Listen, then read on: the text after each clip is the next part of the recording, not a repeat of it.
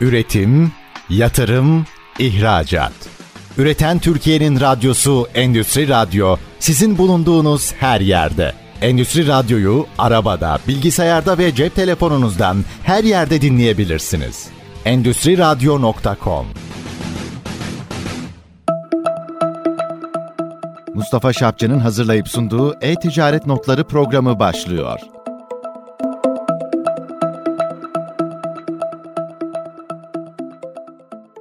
Üreten Türkiye'nin radyosu ST Endüstri Radyo'da bir e-ticaret notları programının başındayız. Efendim e-ticaret notları diyoruz, e-ticaret diyoruz ama konu genel kapsamda aslında bilişimin tam ortasından dümdüz gidiyor ve birkaç gündür kafamda düşündüğüm şöyle bir şey var. Bir doktor arkadaşımın, bir ortopedist arkadaşımın söylediği bir şey var. Diyeceksiniz ki bilişim ve ortopedi ne alaka? Aslında çok önemli e, bir benzerlikleri var. Hemen doktor arkadaşıma sorduğum bir soru vardı. Kas mı kemiği yönetir, kemik mi kası yönetir? Bu soruyu neden soruyorum? Şu anda neden gündeme getiriyorum? Bilişim mi, donanım mı? Çok ikisi çok hassas bir noktada ilerleyen iki ayrı sektör aslında ve kas mı kemik mi derken aslında kemiğin büyümesi gelişmesine izin veren yön veren her zaman kastır.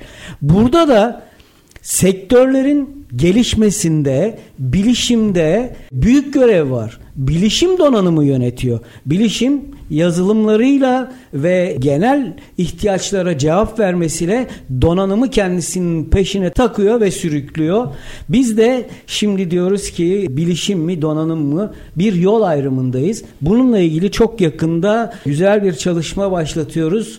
Endüstri Radyo olarak Sayın Recep Akbayrak ve ben bu konuda ciddi çalışmalar e, yapıyoruz. Bunlarla yakın zamanda karşılaşacaksınız. Efendim karşı mikrofonda ışıl ışıl bir hanım var. Pırıl pırıl, genç, zarif ve zarifliğinin, gençliğinin, güzelliğinin yanında iki çocuk annesi pırıl pırıl iki evladı yetiştiren nefis bir aile annesi var. Kendisi aynı zamanda bizim göz bebeğimiz Bitekder'in başkan yardımcısı. Aslında e, Sayın Başkanımız burada olacaktı Mustafa Bey. Fakat kendisi bir bankada görevli ve hassas bir e, görevde. O nedenle bugün vekaleten kendisine Sayın Bahar Küşat Erdem. Küşat değil mi? Kürşat değil. Küşat evet. Karıştırmayalım bütün bunları. Peki Bahar Hanım merhaba.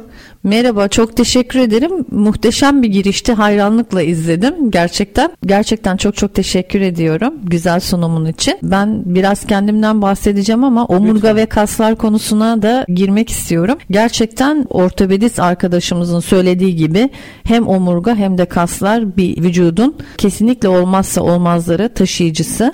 Omurga olmadan nasıl ki esnek olamaz, hareket edemezsek, kaslarımız olmadan da güçlü yanlarımızla omurgamızı ayakta tutamayız. Dolayısıyla her ikisi de e, bizim için gerekli.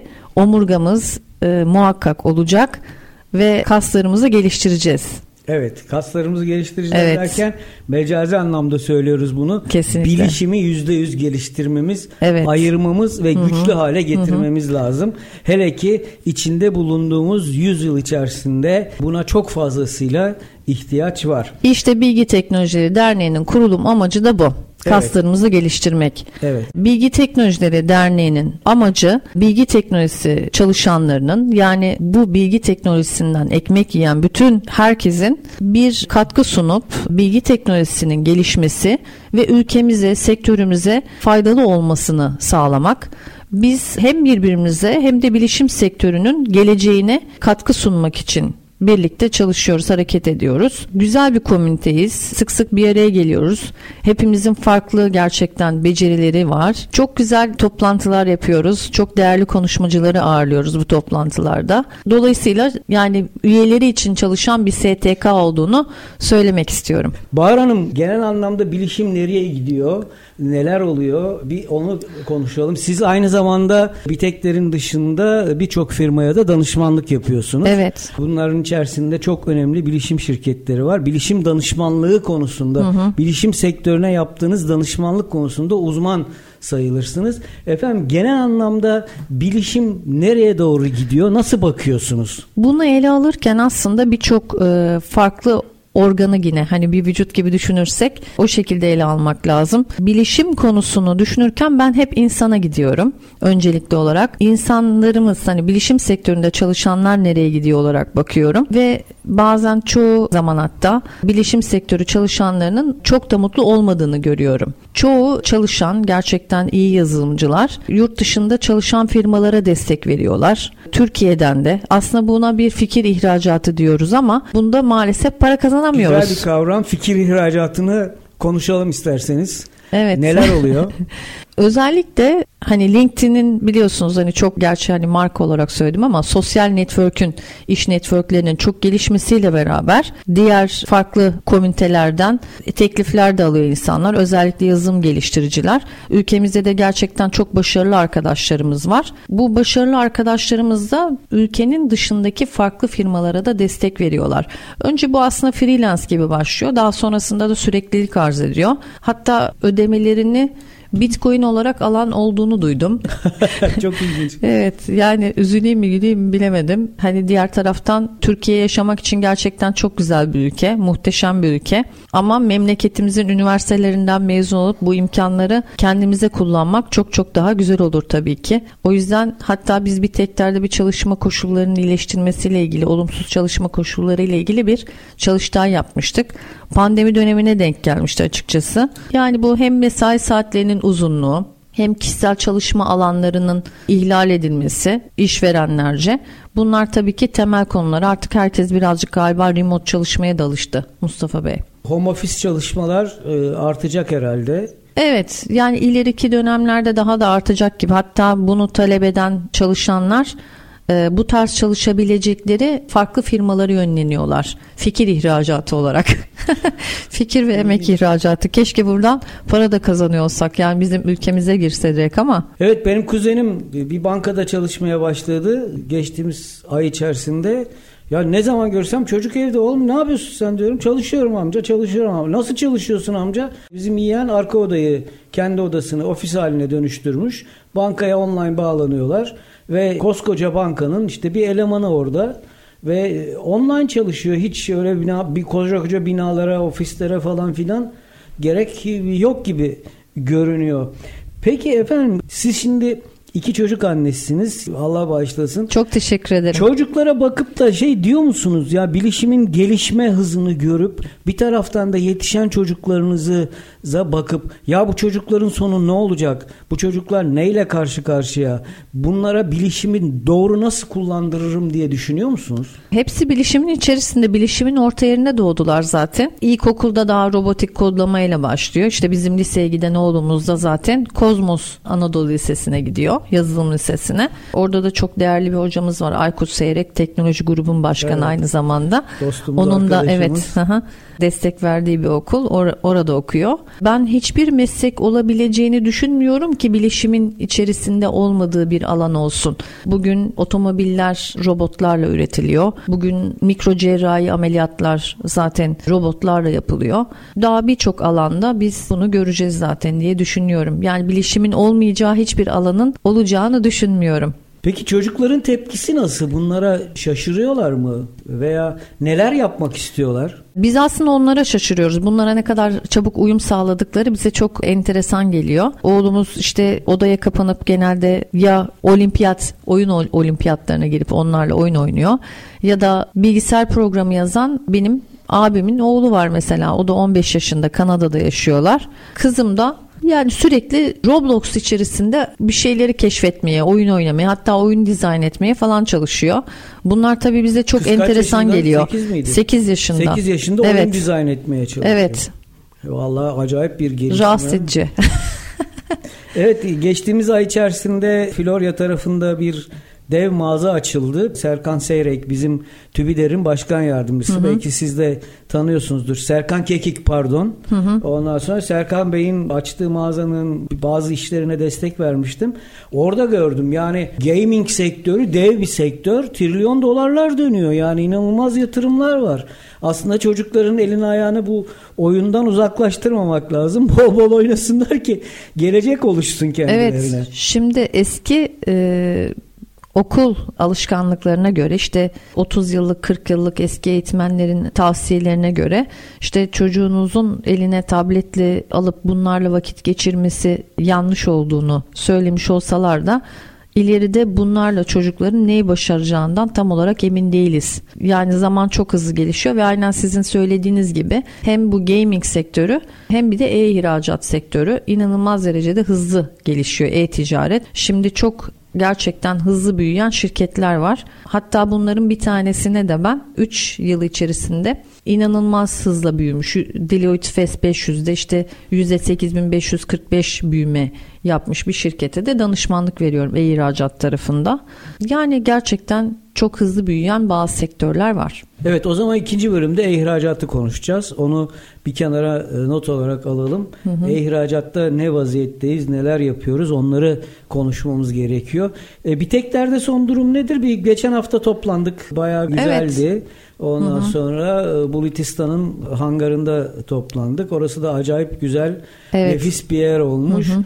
Bir de benim çok ilgimi çeken o kompleks içerisindeki bir papatya şeklindeki güneş panelleriydi. İnanılmaz bir makina teknolojisi, enerji mühendisliği teknolojisi var. Çok böyle hayranlıkla izledim onu. Açılması, kapanması çok ilginçti. Bu arada Bitekler'de e, güzel bir toplantı gerçekleştirdi orada. Şöyle bir iki dakikayla o toplantıyı bir geçelim isterseniz. Tabii Orada bir networking toplantısı yaptık aslında. Bu toplantının içerisinde çok değerli bir konuşmacımız vardı Erdal Uzunoğlu. Onun iyi bir kişisel iletişimci, iyi bir networkingçi.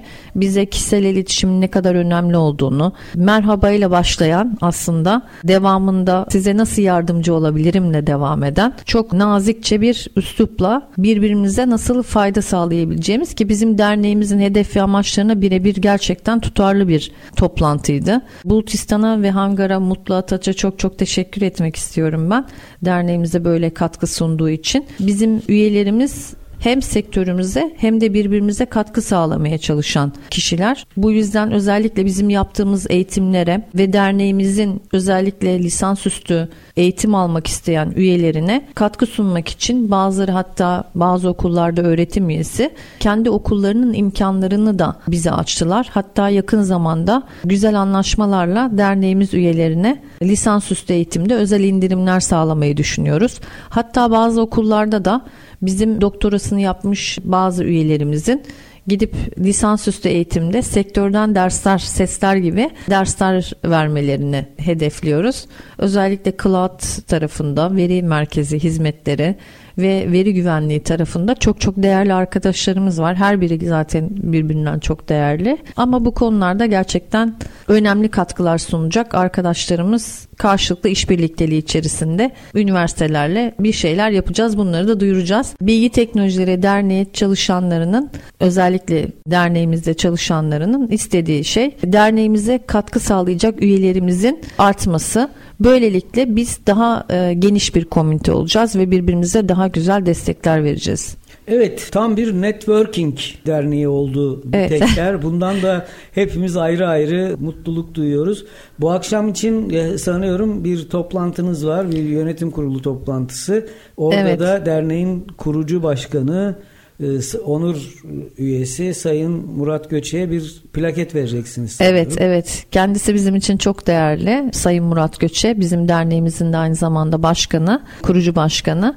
Daha sonrasında işlerinin yoğunluğu nedeniyle başkanlığı bırakmak istedi. Çok ısrar ettik kendisine bırakmaması için ama diğer tarafta da her gün LinkedIn'de farklı toplantılar yaptığını ve hani onları sürekli yayınladığını görünce inanılmaz bir tempoya sahip. Kendisine istemesek de hani bir şekilde şey yapmak zor, anlayış göstermek zorunda kaldık. Evet. Bugün işte bir yönetim kurulu toplantısı yapı, yapacağız ve Murat Göçe'ye de onursal başkan plaketi sunacağız.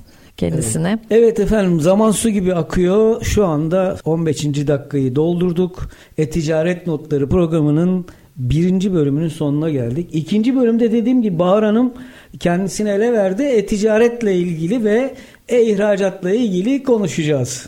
Bizden ayrılmayınız efendim. Üretim, yatırım, ihracat. Üreten Türkiye'nin radyosu Endüstri Radyo sizin bulunduğunuz her yerde. Endüstri Radyo'yu arabada, bilgisayarda ve cep telefonunuzdan her yerde dinleyebilirsiniz. Endüstri Radyo.com Üreten Türkiye'nin radyosu ST Endüstri Radyo'da E-Ticaret Notları programının ikinci bölümündeyiz. Konuğum Bahar Küşat Erdem.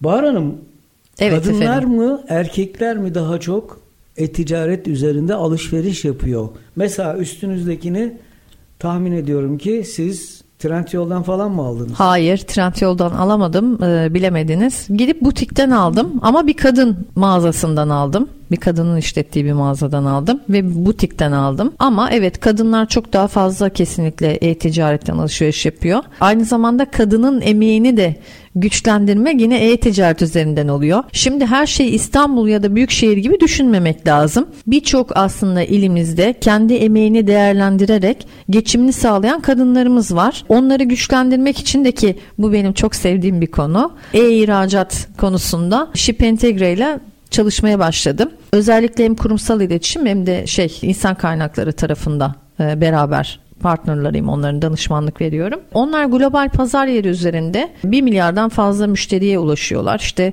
siparişlerinizi tek bir ekran üzerinden yönetebiliyorsunuz. Aynı zamanda lojistik çözümlerini de tek bir ekran üzerinden yapabiliyorsunuz.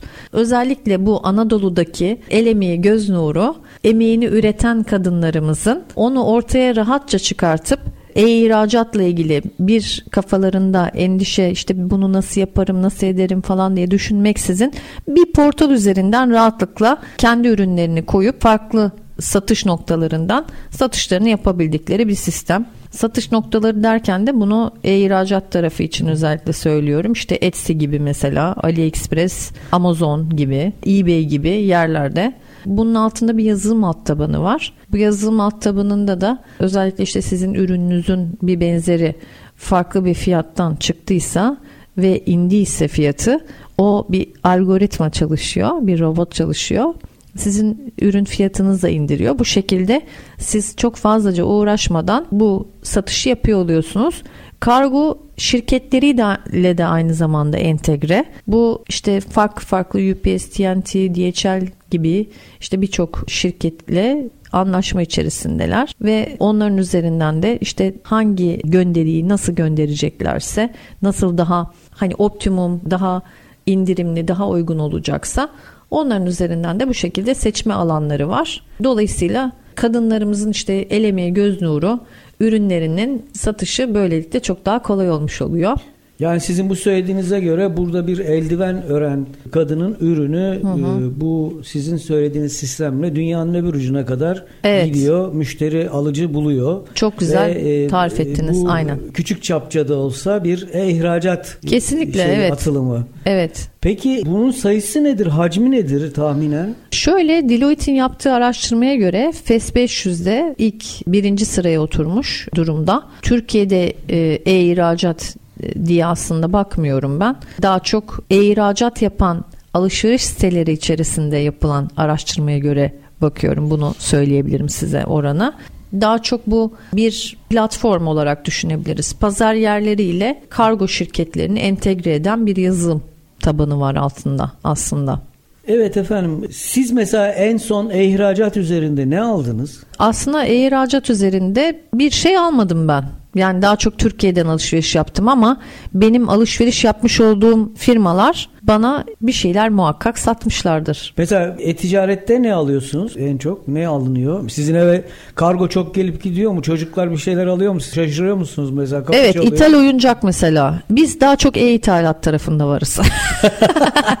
Şeyde e-ihracat, e-ihracat konuşuyoruz da yani kapasite nedir? Bu sizin bahsettiğiniz yazılım e-ihracatı nasıl kolaylaştırıyor? Şöyle bir platform var. Aynı bir bankacılık sistemi gibi düşünün. Bir browser üzerinden açılıyor. Üye oluyorsunuz e, içerisine. Daha sonra ürünlerinizi tanımlıyorsunuz. Pazar yerlerini giriyorsunuz. O pazar yerlerinde ürünlerinizi sergiliyorsunuz. Altında bir robot ve algoritma çalışıyor. Sizin ürününüzün benzeri fiyatı düştüyse size de haber veriyor veya fiyatını otomatik düşürüyor. Bunların ulaşımı ile ilgili işte fulfillment veya hani bunun gönderimiyle ilgili istediğiniz destekleri de alabiliyorsunuz. Yani kargo konusu falan da sorun olmuyor. Eğer kendiniz kargo yapmaya kalksanız çok daha fazla bir bedel ödeyeceksiniz belki. Kargo optimizasyonu da var. Yani yine bilişim. bilişim. Yine nereyle bilişim. çalışıyor mesela? Kargo optimizasyonu nereyle? Birçok firmayla çalışıyor. FedEx'le mesela DHL'le, UPS'le, PTT'yle, TNT'yle birçok firmayla çalışıyor. Peki sizin bu Bir yaptığınız optimizasyon arayüzü. Evet. Bu yaptığınız çalışmalar sırasında kargo problem oluyor mu? Kargoda yaşadığınız sıkıntı var mı hiç? Olmaz mı? Muhakkak ki oluyor ama önemli olan sorunları tespit edip çözmek, tekrarlanmamasını sağlamak. Muhakkak ki olur kargo problemi. Geç gider mesela işte e, yoğun sezonlarda, yoğun dönemlerde, yılbaşlarında veya işte özel günlerde muhakkak ki yoğunluklar oluyor veya işte üzerinde herhangi bir tarifin eksik olması, adres bilgisinin eksik olması gibi şeyler muhakkak oluyor. Bunlar zaten klasik standart şeyler ama çözülmeyecek sorunlar değil. Valla çözülmeyecek sorunlar değil de kargo şirketlerinin belli özellikle kargo şirketleri acentelere yeterli eğitim vermedikleri için çok ciddi sorunlar çıkıyor. Milyon dolarlık kargo markalarına mal oluyor. Ben en çok buna üzülüyorum. Yani şöyle bir örnek vermekte de fayda var. Örneğin benim şirketim Maltepe tarafında, İstanbul Maltepe tarafında ve oradan çıkış yaptığımız bir kargo maalesef ki değeri de 400 küsür liralık bir e, üründü. Kargoyu almayı unutmuşlar ve kargo danışmada yaklaşık 2 ay kadar beklemiş. Biz 2 ay boyunca kargonun peşindeyiz. Çünkü %100 teslim alındığına inanıyoruz falan filan derken kargoyu böyle bir bankonun altında köşede itilmiş bir şekilde bulduk. Onu bulduktan sonra kargoyu müşteriye teslim ettik. Özür babında adamın ödediği paranın tamamını iade ettik. Dolayısıyla 400 lira iade bedeli, 400 lira da hediye bedeli bize 30 lira 40 lira kazanacağımız üründe 800 lira gibi bir zarar verdi. Öte taraftan da tabii her markanın da gördüğü başka büyük zarar var. Hem bizim markamız zarar görüyor hem kargo markası zarar görüyor. Böyle zincirleme gidiyor. Oradaki bir tek elemanın doğru düzgün eğitilmemesinden kaynaklanıyor. Siz de bunun benzeri şeyler yaşamışsınızdır. Aslında mutlaka. siz burada krizi fırsata çevirmişsiniz. Çünkü şirketler muhakkak kriz yaşamalı. Ee, yaşadığı krizlerin neticesinde bunları nasıl çözdüğü örnekleri gerçekten çok önemli. Yoksa e, yapay bir durum olurdu. Siz bir kriz yaşamışsınız ve bunu nasıl çözdünüz, nasıl telafi ettiğiniz sizin marka kültürünüzü, müşteri hizmetlerine, müşterinize bakış açınızı ve işinizin devamlılığına bakış açınızı gösteriyor. Bir yerde de iyi bir şey aslında. Nasıl telafi ettiğinizle ilgili. Reklam bedeli olarak görmek Evet. lazım. Sizin söylediğinizden Evet. yola çıkarak reklam bedeli olarak görmek lazım. Ben de halkla ilişkiler okudum. E, gazetecilik okudum. Bizde de ayrıca ders var kriz yönetimi diye. Ondan sonra orada da bu e, detaylı şekilde anlatılıyordu. Ama tabii bizim okuduğumuz dönemde kriz krizin ne olduğunu bile bilmiyorduk ki. Çünkü o dönemde ülke 80'li yıllarda baştan sona krizlerin içerisinde yaşayan bir ülkeydi ama biz krizin ne olduğunu maalesef ki o zamanlar fark etmiyorduk. Bilimsel açıdan da yaklaşmıyorduk. Peki efendim geldik şimdi bir teklerin bir çalışması var. Eleman konusunda sizin oturduğunuz koltuğa oturan hemen hemen herkesin yakındığı yazılımcı işte e-ticaret uzmanı şu bu falan filan derken hemen herkes bir eleman sıkıntısından bahsediyor ve eleman sıkıntısı sektörleri kelimenin tam anlamıyla kavuruyor. Evet, Siz hatta şimdi bir tekler neler yapıyor bir şeyler duymuştum ben de işin içerisindeyim ama duymuştum diyeyim topu size atayım. Hatta geçenlerde LinkedIn'de şöyle bir yazıya rastladım. Ee, eğer bir yazılımcı iş aradığını söyleyip yazılımcı bir arkadaşınıza CV'sini ulaştırmasını istiyorsa o kişi yazılımcı değildir diye yazıyor. Çünkü gerçekten ciddi bir personel sıkıntısı var. Doğru. Bu da birazcık o fikir göçünden, fikir ihracatından kaynaklanıyor diye düşünüyorum. Herkes de bırakıp gitmedi neticesinde ama herkes, herkes şu anda gitmedi ama evet. adam fiziksel olarak Türkiye'de yaşıyor. Dolarla için. maaş alıyor. Evet. Fakat iş gücü Hı-hı. ihracatı Hı-hı. var orada. İş, iş gücü kaçışı var. Evet iş gücü kaçışı var. Burada da gerçekten şirketlere çok büyük aslında görevler düşüyor. Bizde mesai saatleri uygulaması çok daha pandemiden öncesinde daha fazla sıkıydı. Şimdi birazcık remote çalışma ile beraber çalışanların kendilerine de bir alan yaratması sağlanmış oldu. Tabii vaktini iyi planlamak çok önemli burada. Gerçekten iç disiplini oluyor olması bir insanın hayat kurtarıcı. Remote çalışma onlar için çok daha güzel. Ama iç disiplini olmayan insanlar için bu çok mümkün bir şey değil tabi. Onlar ofise gitmeliler o zaman. Veya yerinde yapılacak olan operasyonlar var. Yine onlar için yerinde çalışma daha iyi. Ben şöyle düşünüyorum. Yani muhakkak karma bir çalışma, hibrit bir çalışma olması lazım geldiğini düşünüyorum. Kişilik özellikleri ve e, yerinde çalışma gerekip gerekmediğine göre hibrit olması gerektiğini düşünüyorum. Kişilerle ve işlerle bağlantılı. Bu sizin söylediğinizi e, dünyanın en büyük akaryakıt firması seneler önce yani 2004-2005 yılında Türkiye'de denedi. Tüm personeli sadece genel müdürlüğünü Bostancı'da bir yere yerleştirdi ve orada sadece genel müdürü insan kaynakları ve muhasebesi faaliyet gösteriyordu. Geri kalan bütün organizasyonu evlerden home office olarak yapmaya başladılar ve son derecede başarılıydı. Bu bahsettiğim e, akaryakıt şirketi daha önce Nişantaşı'nda dev bir binada çalışıyordu. Yani o Nişantaşı trafiği, binanın kirası bilmem ne falan filan bir anda onların hepsi şirkete artı değer olarak dönüştü. Geçtiğimiz günlerde e, kişisel verileri koruma konusunda faaliyet gösteren bir şirkete Sayın Vedat Aybar'a misafir olmuştum. Vedat Bey beni sadece yani yüz yüze görüşelim diye davet etmiş sağ olsun. E, bir çay kahve içtik beraber sohbet ettik. E, koskoca bir şirket sanki atom bombası atılmış insanlar yok. Koltuklar boş, ekranlar kapalı. Dedim ki nerede bu insanlar? Hepsi home office çalışıyor. E burası ne olacak? Vallahi daha karar veremedik dedi. Böyle duruyor şu anda dedi.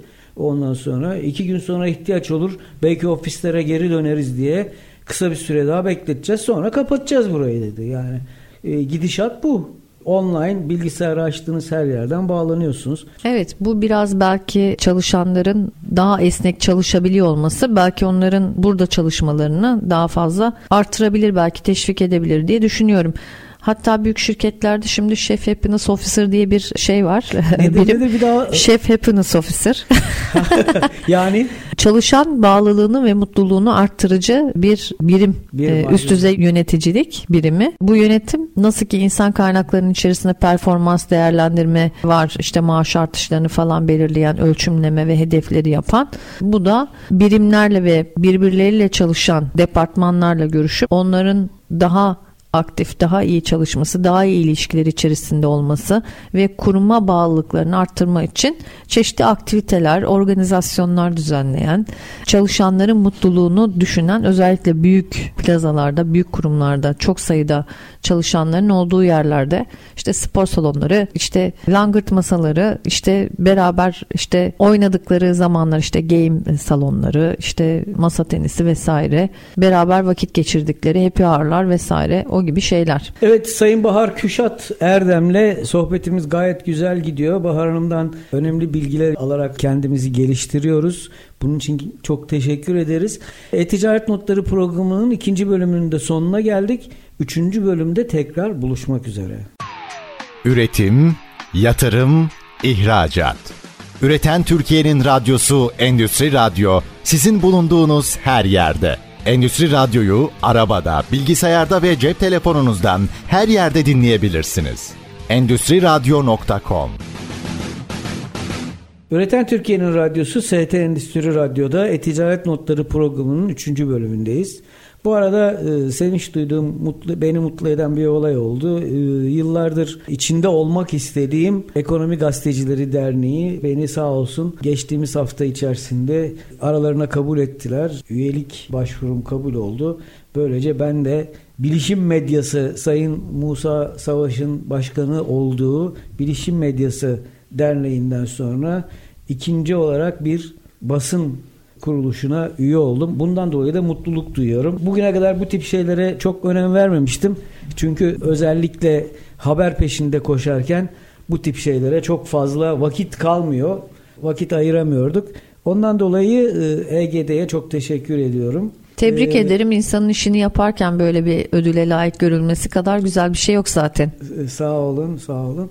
Şimdi Bahar Hanım, siz mesela kişisel olarak baktığınız zaman bir e-ticaret sitesine giriyorsunuz. Dediniz ki ben bugün kendine bir ayakkabı alayım.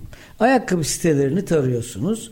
Bir siteye adım attığınız zaman sizin en çok güvenirlik anlamında ne dikkatinizi çekiyor? Yani ben buradan ayakkabı siparişi verirsem bana alakasız bir ürün gelmez. Şimdi size veriyor. Size şimdi komik bir şey anlatacağım belki ama bazen bir restorana e, tanımadığım bir restorana oturduğumda sipariş verirken şefin tavsiyesini soruyorum. Şef genelde bana az giden ve stokta kalan şeyleri bitirmek üzere tavsiyelerde bulunuyor. Sonra ben tam aksi yönde bir sipariş veriyorum. Mesela daha taze olduğunu düşündüğüm için. Genelde tanımadığım restoranlarda izlediğim şey tutum bu. Dolayısıyla tanımadığım bir yerden kolaylıkla alışveriş yapmam ya markanın kendi sitesinden ya da bilindik e-ticaret sitelerinden. Daha çok işte çok ürün sat, satıyor olması, çok teslimat yapıyor olması benim için tabii ki güven verici oluyor. Ama yani şey dediğim gibi hani ucuzluk veya vesaire şeyler beni çok etkilemez. Tavsiye de çok etkilemez. Bazen böyle tutumlar sergilediğim oluyor. Bu da benim kendi tuhaflığım olabilir ama. Ucuz etin yanisi pahalı olur diyorsun. Tabii kesinlikle evet. O yüzden güvenilir e, alışveriş sitelerini tabii ki tercih ederim. Peki size göre genel anlamda böyle sektörü değerlendirdiğinizde fiziki mağazalar yok olacak mı tamamen? Böyle görüyor musunuz bunu? Bence o tarafta birazcık kurumsal mobilite sistemlerinin gelişmesiyle de alakalı. Mesela alışveriş deneyiminde bazı mağazalarda artık inanıyorum ki sizin o ürünü denemenize gerek kalmadan üstünde nasıl durduğunu prova edecek teknolojiler olacak. Zaten bunlar yavaş yavaş gelmeye de başladı perakendecilik tarafında. Dolayısıyla belki deneyim merkezleri, belki bu mağazalar bu kadar büyük olmayabilir, bu kadar büyük metrekarelerde olmayabilir. Daha az e, stokla belki burada sadece bir deneyim elde edip daha sonrasında bunu sipariş veriyor da olabiliriz. Zaten mağazaların içerisinde yavaş yavaş kiosklar da oluşmaya başladı. Bunu bunu şöyle de aslında ayak seslerini görüyor olabiliriz. Mesela internette e, görüp de beğendiğiniz bir ürünün bir mağazada olduğunu görüyorsunuz. Sonrasında o mağazaya gidip onu gidip alabiliyorsunuz. E-ticaret webten onu sipariş edebiliyorsunuz. Böyle baktığımızda aslında biraz mağazaların deneyim merkezi olduğunu, sadece üzerinizde prova edebildiğinizi görüyor olacaksınız ya da nasıl durduğunu belki göreceğimiz programlar olacak. Bilmiyorum yani bu tarafa doğru gideceğini düşünüyorum ben. En azından mağazaların bu kadar büyük metrekarelerde olmayacağını düşünüyorum. Peki onların yerini ne alacak? Yani böyle küçük çaplı gelişen teknolojiler. Gelişen teknolojilerden kastınız ne? Neler mesela? E, aynaya baktığımızda üzerimizde o ürünün nasıl durduğunu görüyor olacağız. Ürünü seçip mesela kendi vücut tiplerimize göre beğendiğimiz kazağı giyip çıkartmaya gerek kalmadan üzerimizde nasıl e, durduğunu ya da elbisenin nasıl durduğunu görüyor olacağız. Belki zamandan kazanacağız aynı zamanda. Belki bunu ileride kendi aynalarımızdan da yapabiliriz. İlginç gerçekten bizi neler bekliyor daha hala bunu çok anlamış değilim. Özellikle bu sizin söylediğiniz aynaya bakıp üstünde ürünü görme konusuyla ilgili olarak geçtiğimiz günlerde burada konuk ettiğim Bülent Demirhan vardı. Hı hı. Kendisi bu tip bir yazılımı geliştirmişti. Hı hı. Özellikle ayakkabı konusunda bu yazılımı telefonunuza indiriyorsunuz ve beğendiğiniz ayakkabıyla ayağınızı meç ediyorsunuz. Ayakkabı ayağınızda gibi görünüyor ve siz ayağınıza göre ayakkabıyı beğenip değerlendiriyorsunuz ve ona göre sipariş veriyorsunuz. Tabi bu burada bazı şeyleri kolaylaştırıyor.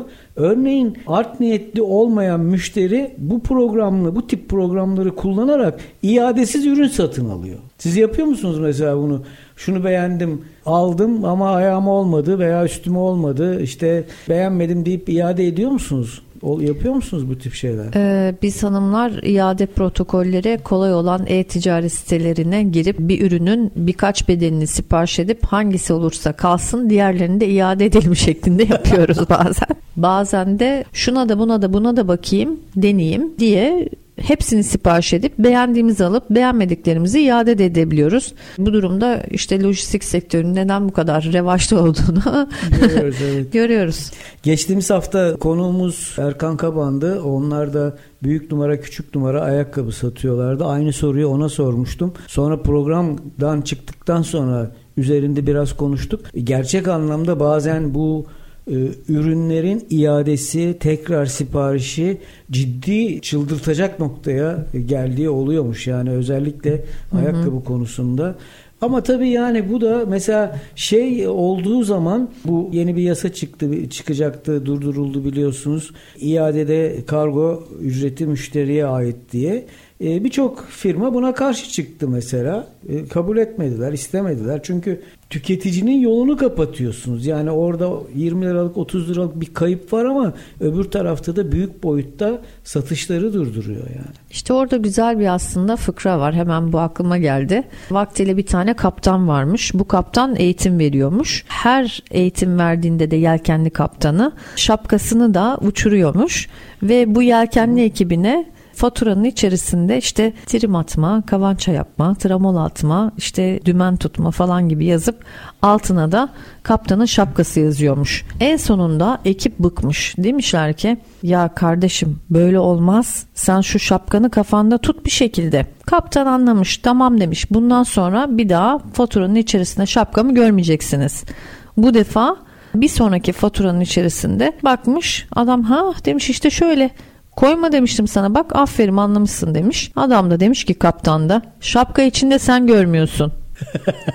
yani kargo bedeli de içinde aslında evet. ürünlerin ama biz görmüyoruz ödüyoruz aslında onları. Evet efendim. Yani bu e-ticaret siteleri için ciddi sorun mu yoksa bir reklam aracı mı yoksa bir tüketicinin işini kolaylaştırıp satışları arttırma yöntemi mi?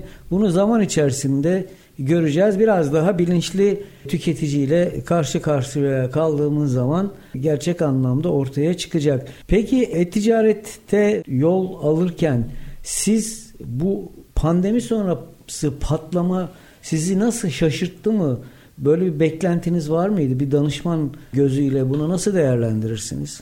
Pandemi sonrası çalışma koşullarından ticarete kadar her şey değişti. Aslında her şey değişti. Biz hepimiz oturduğumuz yerden, evlerimizden toplantı yapıyor olduk. Online toplantılar, görüntülü toplantılar ve e, birçok işte dokümanı aslında ortak bir yerde tutup bunun üzerinde çalışıyor olduk beraber çalışma yöntemlerimizi geliştiren bir şey oldu pandemi. Lojistik de patladı. İşte e-ticarette hani sayıca arttı. Lojistik de patladı derken o da yukarılara çıktı hacim olarak. E-ticarette o şekilde. Yani her şey değişti. Aslında temelinde bunların da böyle olması gerekiyordu belki de. Peki kadın emeğini güçlendirme konusunda e-ticaret ne aşamada olacak? E-ticaret gerçekten çok önemli. Özellikle Artık her evde bir tablet ya da bilgisayar var neredeyse. Anadolu'da bile var. Herkes ulaşabiliyor. Elimizdeki cep telefonlarının tamamı artık bu şekilde. Kadınlar kolaylıkla işte kendi el emeği, göz nuru emeklerini, fotoğrafını çekip bu web sitesini yükleyip e-ticaret macerasına dahil olabiliyorlar. Bu aslında kadının güçlenmesi için de çok güzel bir fırsat. E-ticaret e, macerasına dediniz. Gerçekten bazen macera oluyor. Çünkü orada şey çok önemli. Herkes hani evdeki bir teyze çok bilinçli olmayabilir tabii de gerçekten e-ticaret için dünyanın en güzel ürününü en güzel pazar yerinde sunmak değil. Bunu gerçekten en optimize şekilde nakliyesini ve nakliyesinin ücretini düşünüyor olmak, kargo ücretlerini düşünüyor olmak. İşte bunlar için belli kilogramlar, paketin büyüklükleri, ağırlıkları vesaire var. Bunlar hakkında önce bilgi sahibi olup, fikir sahibi olup ondan sonra bununla ilgili bir şey yapmak yani yaptığı işi de çoklu şeyleri tarafları düşünerek optimize etmek daha karlılığı getirir. Tek başına çok güzel bir ürünün satılması değil aslında. Para kazanmak için daha farklı şeyleri de bilmek lazım. Para kazanmak için daha farklı şeyleri bilmek lazım. Evet her şeyden önce e-ticaret de sonunda bir ticari yatırım, ticari adım. Onun için insanlar kendilerini gerçek anlamda bu işe tam hazırlayıp öyle yola çıkması lazım. İster kadın olsun, ister erkek olsun, ister büyük çaplı olsun. Bu arada tabii benim için sevindirici başka bir şey var. Son bir haftadır yaklaşık 10 kadar telefon aldık. Dinleyicilerimizden geliyor. Bunlar e, şöyle ki e-ticaret konusunda destek istiyorlar. Şöyle Birkaç ile yani oturdum derin derin uzun uzun konuştuk. Hepsinin telefonları bizde not halinde alınmış durumda. Sağ olsun Pelin Hanım radyomuzdan bu işlere destek veriyor. Şimdi dinleyicimizden bir tanesi diyor ki ya ben bu yazılım şirketlerinden bıktım. Bana adam gibi bir yer bir paket yazılım, e-ticarette paket yazılım satan veya bu hizmeti veren bir yer önerin diyor. Şimdi nasıl bunu biz önerelim? Ben şöyle bir liste yaptım. Genel kapsamda bütün e-ticaret şirketlerini inceledim. Ya 15 tane şirket var. 15'inin de sahibi arkadaşım dostum e, Nasıl direkt önereyim? konu hangi birini önereyim? Ama dedim ki yani şimdi bu adama da haksızlık yapmamak lazım. Bu talepte bulunan e, insana da haksızlık yapmamak lazım. Bunları bir kendi kafamda oturdum, araştırdım ve 6 tanesinin gerçek anlamda hizmet verdiğini ortaya çıkardım. Şimdi o bizi telefonla arayan 10 kişinin telefon numaralarını, bilgilerini o 6 kişiye ulaştırdım. 6 firma sahibine ulaştırdım. Onlar zaman içerisinde artık müşteri diyaloglarını geliştirip bir noktaya varacaklar. Benim için övünç kaynağı, radyomuz için övünç kaynağı şu. Demek ki biz dinleniyoruz ve buradan bize talep geliyor. Hele dinleyicilerimizden Metin Konağ'ın söylediği bir şey vardır. E-ticaret yazılımı konusunda gerçek anlamda çok sıkıntı çektim. İyi ki varsınız. Sizden destek alabiliyoruz dedi. Bu gerçekten benim için çok önemli bir şey. Siz de kurumsal iletişim de yapıyorsunuz belli firmalara. Sanıyorum değerli bir şeydir. Yani bunu nasıl görüyorsunuz? Kesinlikle önemli. Özellikle e-ticaret tarafında böyle derin bir araştırma yapmış olmanız ve böyle bir destek sunuyor olmanız çok güzel. İşte bir kurumsal iletişim örneği. Konunuzda uzman olduğunuz ve bu konuda danışılacak bir kişi olduğunuzun bir göstergesi sonuçta size ne alalım, ne yapalım, nasıl başlayalım diye sormuşlar. Dolayısıyla burada kurumsal iletişimde benden değil sizden söz etsek daha olabilir. Çok teşekkür Şu anda. ederim. Sağ olun. Bahar Hanım programımıza renk kattınız. Ee, Sağ olun. Vakit ayırdınız. Yoğun işlerinizden geldiniz. Efendim bir e-ticaret notları programının daha sonuna geldik. Bugün günlerden pazartesi. Ben Mustafa Şapçı sizlere iyi bir hafta diliyorum. Bol kazançlı, helal kazançlı, doğru hedeflere koştuğunuz günler olsun. Bahar Hanım size de çok teşekkür ederim. Beni tekrar. ağırladığınız için çok teşekkür ederim.